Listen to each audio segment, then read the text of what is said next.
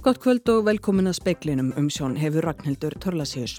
16.000 Evrópubúar létust vegna mikils hita í fyrra. Íbúar álfunar þurfa að búa sig undir fleiri hættulegar hitabilgjur. Þetta kemur fram í nýri loftslagsskýrslu. Meðalhiti hefur hækkað hvað hraðast í álfunni. Úkrænu her hefur á undanförnum dögum náð aftur nokkrum þorpum úr höndum rúsa og landsvæði sem samsvarar um tíunda hluta Reykjaneskaga. Gagsókn Úkrænumanna er hægari en vonir stóðu til vegna upplugra varna rúsa. Í speklinum verður rætt við hermenn og stjórnvöld á átakasvæðinu í Úkrænu. Guðrún Hafsteinsdóttir er nýjöndi dómsmálar á þeirra sem tekur við ennbætti á 14 árum. Enginn þeirra hefur náð þremur árum í ráðunitinu og tekist er á um réttjandi transkvenna innan reglífa samtaka kvenréttinda félaga í Evrópu. Hita með fjallu ítrekað í Evrópu síðasta sömar og hlínuninn hefur aldrei verið meiri. Þetta kemur fram í nýri loftslagsskíslu alþjóða veðurfræðistofnunarinnar og loftslagsdeildar Kopernikusar verkefnis Evrópusambandsins.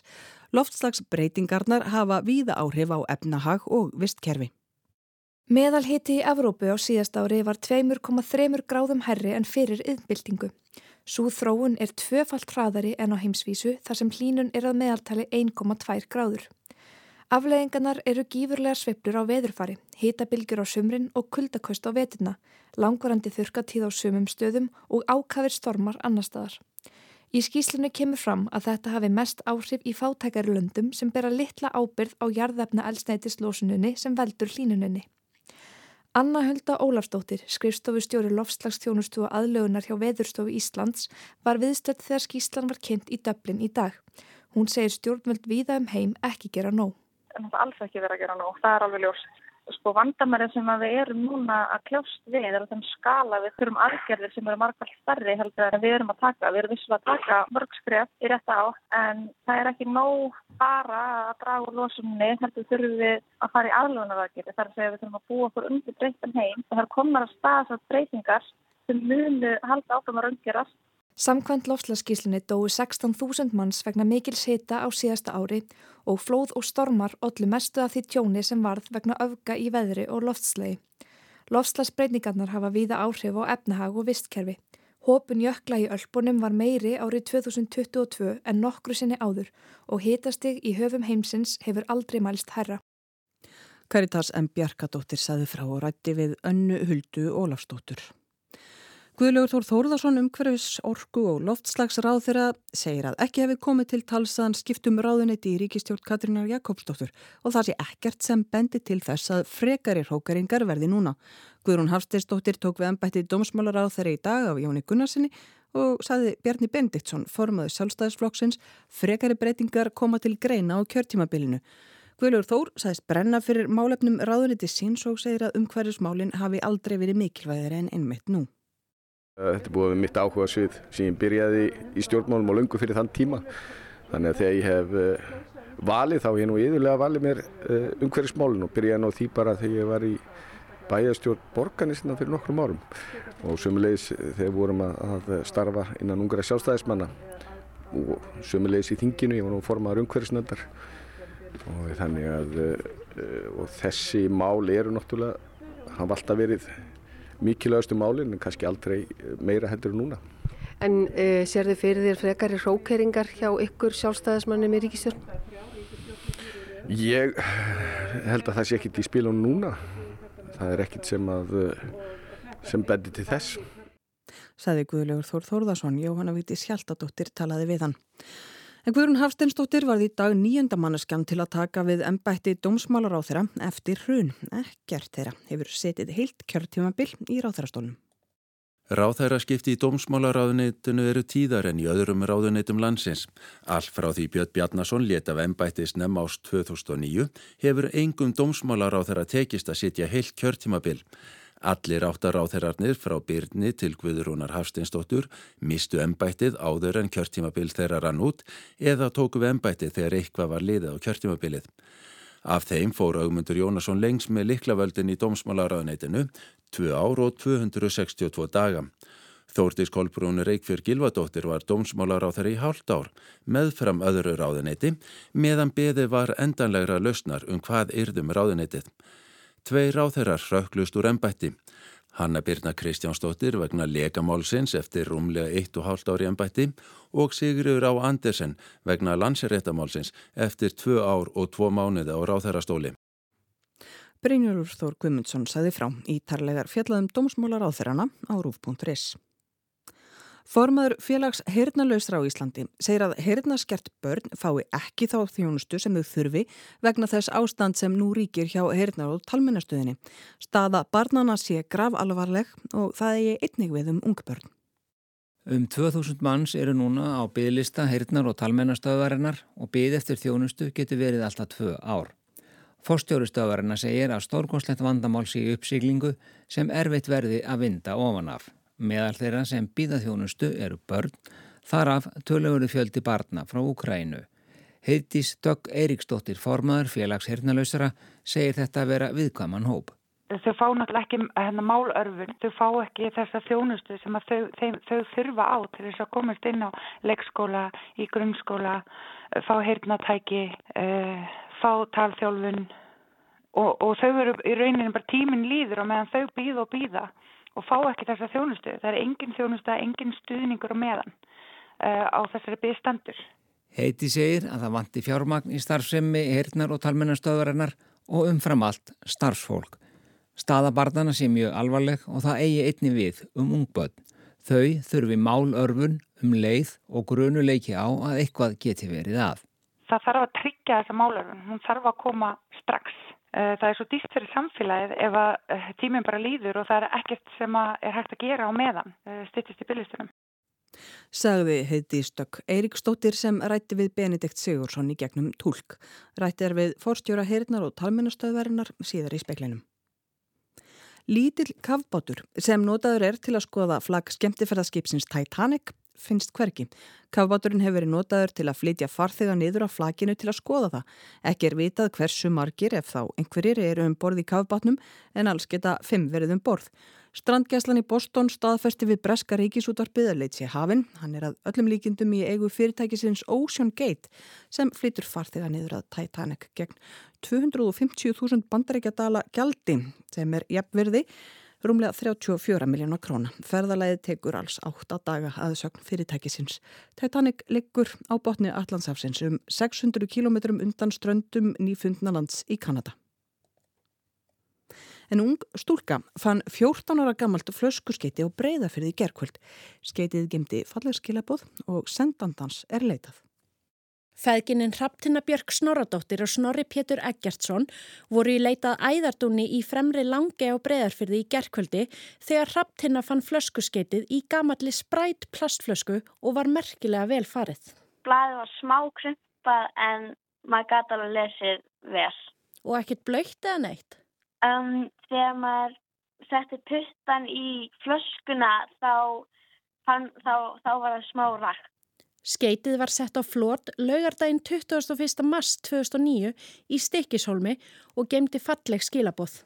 Til hamingi þú fannst mig, ég verið syndandi í marga klukkutíma, marga daga, marga mánu og kannski mörg ár. Ég vil þakka þér kellega fyrir að finna mig og lesa mig. Ég er mjög þakklátt. Ungstúlkaða nafni Fanni Lilja er skrifuð fyrir skeitinu og því fylgdu tvö símanúmer. Annað er óvirkt farsímanúmer en hitt er númi í heimasíma sem svara ekki þegar þau feðgininn reyndu að ringja. Þau leita því enn eigandans. Það var ekki gaman að, að hafa samband í hana. Hún er vant að veri að svipum aldrei á hraftina Björk þegar hún sendi þetta skeitið á flott. Saði Snorri Pétur Eggertsson. Aðspurð segir hraftina Björk ekki útiloka að senda sjálf flöskuskeiti eitt daginn það væri alveg svolítið skemmtilegt, þannig að já. Veistu eitthvað hvað myndi skrifa? Bara eitthvað sem að eiginlega myndi finna skemmtilegt að vita og bara heyra. Saði Hraftina Björg Snoradóttir. Ingi Björg Sara Guðmundsdóttir tók saman.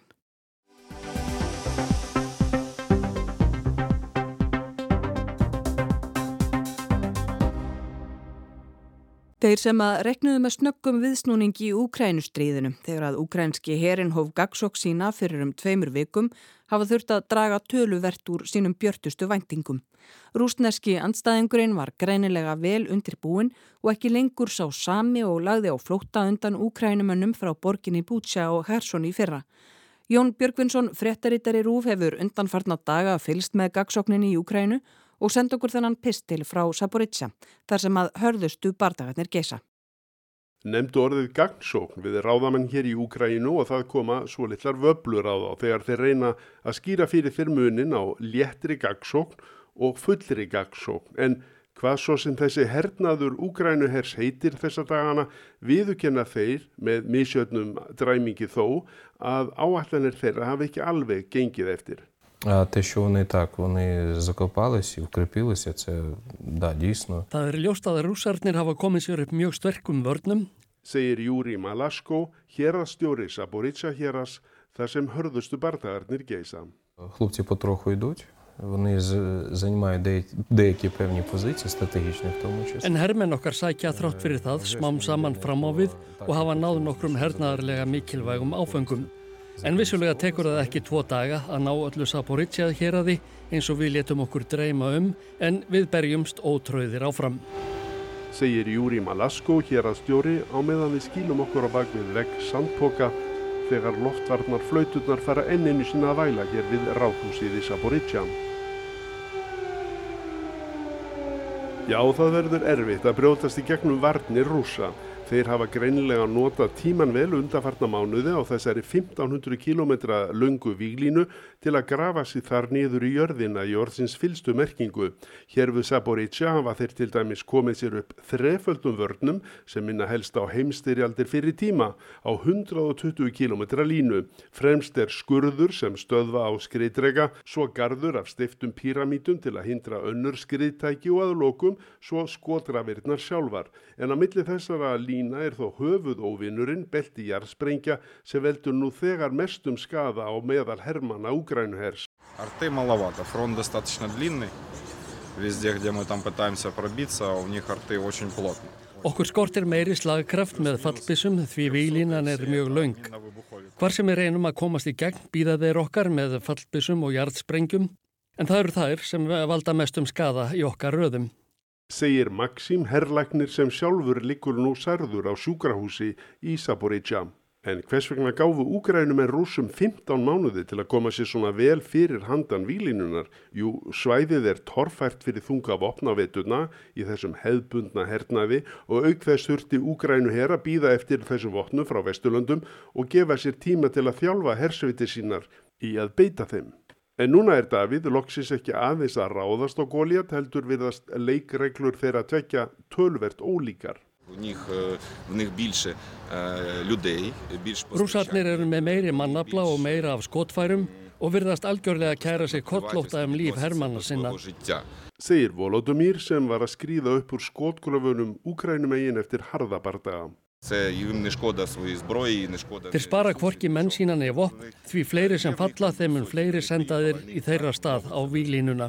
Segir Volodymyr sem bætir við að úkrænumenn reyna aftur á móti að vernda herrmenn sína eftir megni með því að beita kannski meiri herrkansku. Tölur sem rannsóknarteimi Breska ríkjusútvarpsin spyrti fyrir helgina eftir viðtöl við ættingja og loftmyndir af gravreitum hermanna benda til að átökinn hafi þegar kostað 25.000 rúsneska hermenn lífið. Tala fallina úgrænu hermanna gæti verið svipuð þótt engar ofinbæra tölur séu gefnar upp. Mannfall er venjulega tölvert meira á meðal hermanna í sókn svo fornir úkrænumanna eiga vafalust eftir að aukast mikið í þessum blóðuga hildarleik.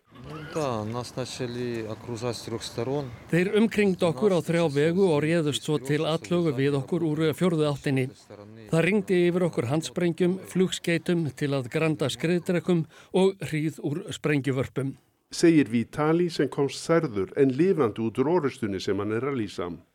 Úgrænuherr reynir að draga úr vendingum sem bundnar eru við hernaðaraðgerðina núna lýsi þeim sem könnunaraðgerð fremur en gagsókn. Hann sé að leitað veilum í vörn rúsa með því að egna þá til átaka og afmörkuðu svæðum á meðan meiri hlutin af herrfylkingunum 12 með meira en 60.000 hermönum sem Úgrænuherr segir tilbúnar til átaka býða átekta en heimildir mínar af vikstöðunum herma að þegar hafið þrjár þessara fylkinga með 15.000 hermönum beðið verulegt afhróð í átökum undanfærina daga.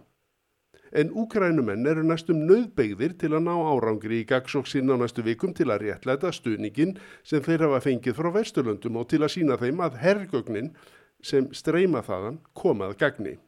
En þegar ég spyr yfirmenn hér hvað ef, verður fátt um svör, hvað ef þessi gagsókn fer nú út um þúfur? Væri þá ekki líklegt að rúsar gangi á lægið og hefi sína stórsókn og hvað gerir Evrópa þá? Tilhugsununum þann möguleika er vægarstagt skjálfileg. Þetta var Jón Björgvinsson í Saporizja í Ukrænum. Ásker Tómasson ljáði Ukrænumennum rött sína. Kvenréttindadagurinn er í dag og þess er minnst að konur eldri en ferdugar fengu flestar kostningarétt þann 19. júni 1915 fyrir 108 árum. Bríett Bjartíðinsdóttir stopnaði Kvenréttindafélag Íslands árið 1907 til að starfa að því að íslenskar konur fengju fullt stjórnmálajabrétti á við karlmenn, kostningarétt, kjörgengi og rétt til embætta á atvinnu með sömu skilurðum og þeir. Meðal þess sem að Kvenréttindafélagið gerir er að standa fyrir fundum og málþingum og skrifa umsagnir um lagafrömmörp og reyna með þeim hætti og ýmsum öðrum að hafa áhrif á gang jafnbrettismála. Nýverið fekk eitt aðeldafélag Kvenréttindafélagsins Trans Ísland, mannréttinda verðlun Reykjavíkuborgar. Fyrir nokkrum árum gekk Kvenréttindafélag Íslands í reglífarsamtök Evrósku Kvennarhefingarinnar, European Women's Lobby, sem í eru Kvenréttindasamtök í 31 ríki og að auki 17 samtök sem vinnað kynja jafnbretti og European Women's Lobby vinna einmitt af því að hafa áhrif á lagasetningu Evrópusambandsins að réttindi kvennar sjö hefði huga þegar að lög eru sett. Aðal fundur þessara samtaka var haldi núni í júni og Brynhildur Heiðar og Ómar Stóttir ráðgjafi Kvenréttindafélagsins var önnur tveggja fulltrúa félagsins á aðalfundinum. Þar sem fulltrúarnir hittust í eigin personu í fyrsta sinn frá því fyrir faraldur. Á dagskrá voru það sögn Brynhildar nokkuð hefðbundin aðalfundastörf en... Þessi fundur uh, reyndist okkur uh, heldur erfiður vegna þess að, að núna hafa uh, þessi samtök verið undir mjög markvissri árás innanfrá senustu árin frá einstaka örfagum samtökum sem eru, ég tala kannski helst, ég tala fyrir útlokun transkvenna inn í kvennarhefingunni. Þetta er hefur verið erfið umræði sem þetta er, eins og kannski fáum dilst, það hefur verið í Evrópu og alheimsvettvangi núna senst árin og hérna hvænarhefingin er ekki undan það skilin og, núna, núna þetta, í þessum mánu þá, þá var komið að því að, að taka þetta fyrir á aðalfundi hvort að samtökin eigi að marka sér stefnum í málefnum hvað var það kynvindin deður eigi og ef svo er hvað, hver svo stefna uh, skuli vera. Var tekin ákvörðun eða? Nei, það var ekki tekil ákvörðun. Ég být mér ekki við að það verði tekin ákvörðun uh, næstu, næstu árin. Þetta her, hefur, umræðin hefur reynst svo erfið. En um, við í hverjandetafélagi Íslands gengum inn í þessi samtök 2019 og, og vorum askaflega gladar með það. Vegna þess að, við vitum það við, við, við hér sem búum hér á þessu litlu eigi að hérna, við fáum alltaf bestu hugmyndir og jafnbreytisbaröftunni erlendis frá. Að í rauninni að kveikjana að jafnbreytisbaröftunni hérna á Íslandi hefur komið af þess að saminari sterkri jafnbreytis og feminískri seyfingu á alþjóða vettvangi.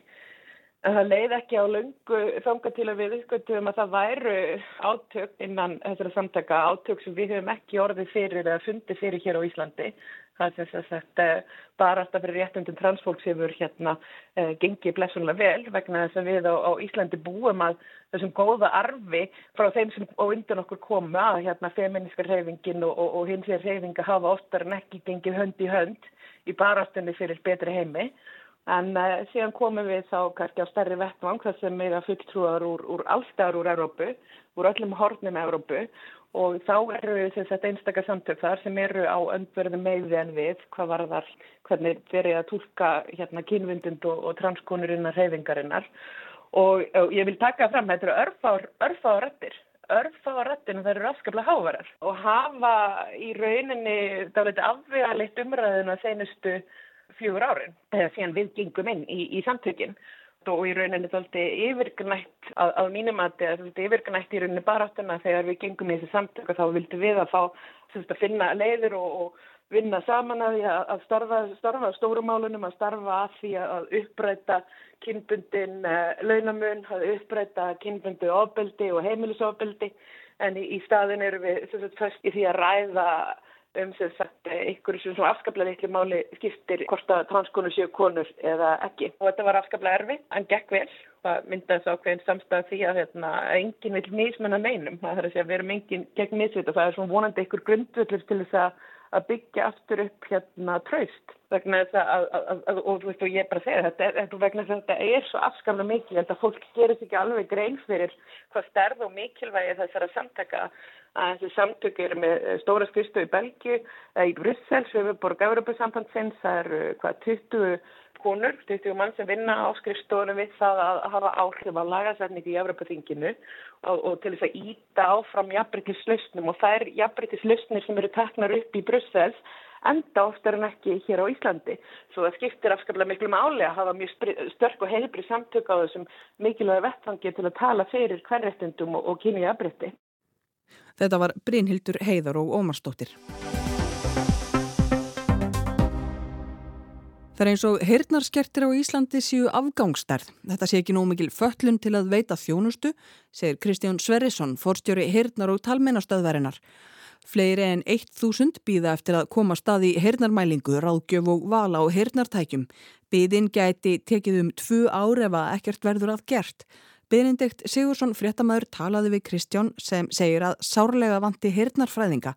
Það sé á mörgunum að það takist að halda upp í lámarkstjónustu fyrir þá sem að heyrnar og talminnastöðin berað sinna. Þar á meðal um 250 börnum og 1000 manns sem heyra mjög illa.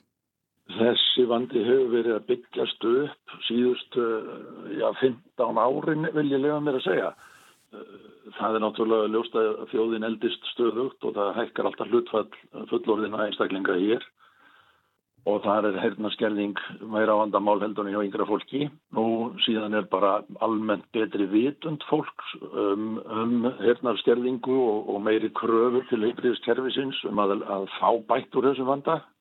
Þannig að eftir spurningur aukist verulega mikið síðust áratvíina, síðust áratvíin sérstaklega Á sama tíma hefur verið, verið að grafa undan heyrnar þjónustu hér.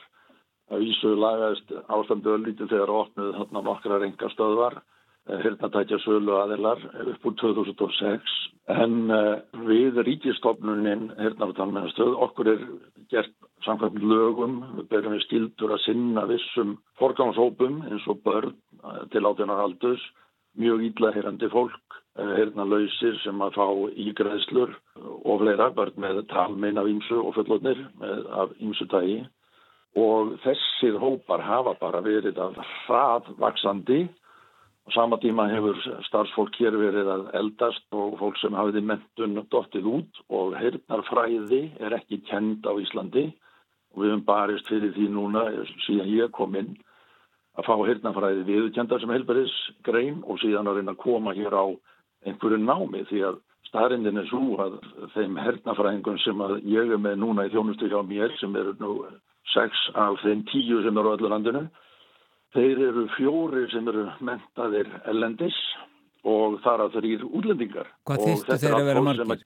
Við þurftum að vera með hérna talmennustu svona 15 hernafræðinga í okkar þjónustu og síðan þurft að vera sennilega tvöfalt það úti á engastöðum að auki. Það er hér fyrst að vera svona 45-50 mentaðir heyrnafræðingar en þeir eru ekki til og ég býfi þetta. Við þurfum að flytja inn ellenda heyrnafræðinga og kenna þeim auðvitað grunn aðrið íslensku og, og þjálfa íslensku maðurstafn og þess að og þetta fólk er svo farið kannski eftir 12 í mestalagi átján mánuði. En nú á sínum tíma þá spruttu hér upp nokkur enga fyrirtæki sem að sinna þessari þjónustu eh, mæla heyrn og útvega fólki heyrnatæki.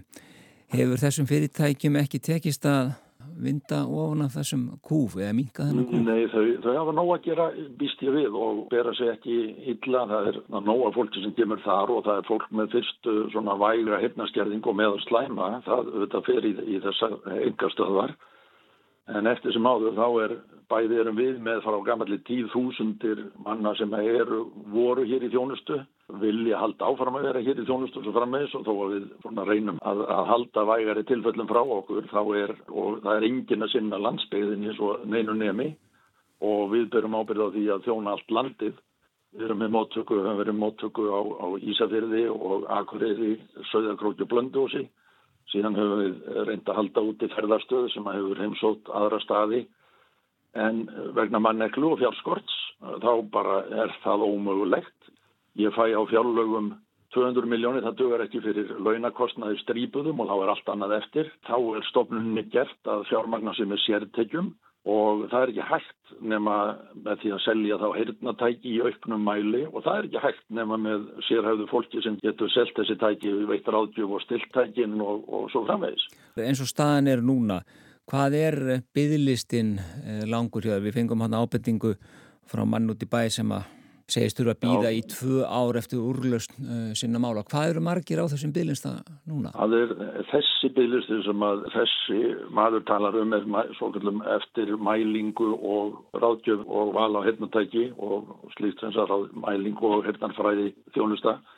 Þar erum við með um þúsund manns á þeim lista um alland, rúmlega þúsund. Það var reikna með að þeir sem að bætast á þannan lista í dag, það sé svona 20 ára byggð, alltaf því en auðvitað reyðilast þetta dálti því að svo sumit ég var stupp á listanum og sækja engastöðunar eða eitthvað annað og svo frammeði þannig að, að þetta segir nú ekki allt en ef allt þetta fólk heldur áfram að vera á lista hjá okkur og ekkert breytist ef við fáum enga viðbóta starfskrafta ekkert auki fjármagn þá er þetta munið að lengjast. En þeir sem að geta leitað annað það er þá vantilega þeir sem hafa efni á því að borga fyrir þetta að öllu leiti sjálf?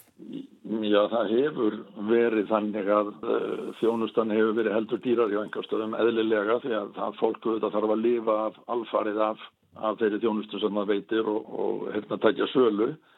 En uh, hér ætti ríkið að standa undir grunn þjónustunni við alla fórgangshópana á þess að það fólk sé að borga allt of mikið. En því miður hefur verið að, að aukast í rauninni greiðslu þáttaka fólks í þjónustu hér en á sama tíma þá meigum við ekki til dæmis innhemta komugjöld eða annar sem við myndi nú hjálpa en þar strandar á, á lögjöf og reglugjörðum sem að verðist ómögulegt að fá breytt. Hva, hvaða svör fáið frá heilbríðisíðvöldum þegar þið e, leitið til þeirra með eitthvað vandamál? Það hefur nú eiginlega búin að vera sömsvörin í mörg ár. Það er allir að vilja gerði til að reyna að finna lausnir eh, á þessu en emdirnar eru því miður afskaplega litlar. Þrís og sinnum búið að svíkja okkur um húsnæði sem við heldum að við værum um það bila að fara að flytja í og það á alltaf að reyna að laga fjárhagsliðina en, en einhvern megin verður þessi þjónusta út undan. Það er eins og hernar skertir hér á landi séu bara einhver afgangsstærð þetta sé ekki nógu mikil föllun til þess að þurfi að, að vera að veita þessa þjónustu. Það er þessir hópar sem að okkur ber að sinna sem að við getum varla haldið upp í lámas þjónustu fyrir og það er, það er sorglega í þessu. Ég er með sko, við, kannski 250 börn sem við þyrstum að kalla hér en árlega, getum ekki, erum að reyna að kalla inn stærsta hluta þeirra annarkvært ár Við erum með kannski yfir þúsund mjög illaherandi fólk sem að kemur til okkar ofta ári sem er, er farið að býða á bygglistum í, í mánadavís. Við erum með 150 ígræslu þegar sem þurfa mikla þjónustu og við erum með eitt stöðugild til að sinna þessu, þessum hóp. Þetta er þetta bara algjörlega orðið út í hött. Saði Kristján Sverrisson í viðtali við Benedikt Sigursson. En í speikli kvöldsins sögðu við meðal annars frá því að 16.000 Evrópubúar létust vegna mikils hýta í fyrra. Íbúar álfunar þurfa að búa sig undir fleiri hættulegar hýtabilgjur. Þetta kemur fram í nýri loftslagsskíslu. Meðal hýti hefur hækkað hvað hraðast í álfunni. Úkrænu herr hefur á undanförnum dögum náð aftur nokkrum þörpum úr höndum rúsa og landsvæði sem samsvarar um tíundar hluta reykjaniskaga. Gagsókn úkrænumanna er hægari en vonir stóðu til vegna upplugra varna rúsneska hersins. Og veður horfur á landinu til miðnættis annað kvöld, norðlæg átt og rigningamorgun, yngum austan til. En að mestu þurft suðvestan og vestanlands hiti 6 til 17 stygg hlýjast á Suðurlandi. Fleira er ekki í speiklinum í kvöld. Tæknimaður var Jón Þór Helgason, Margret Júlia Ingimarsdóttir stjórnaði frettáttsendingu. Verið sæl.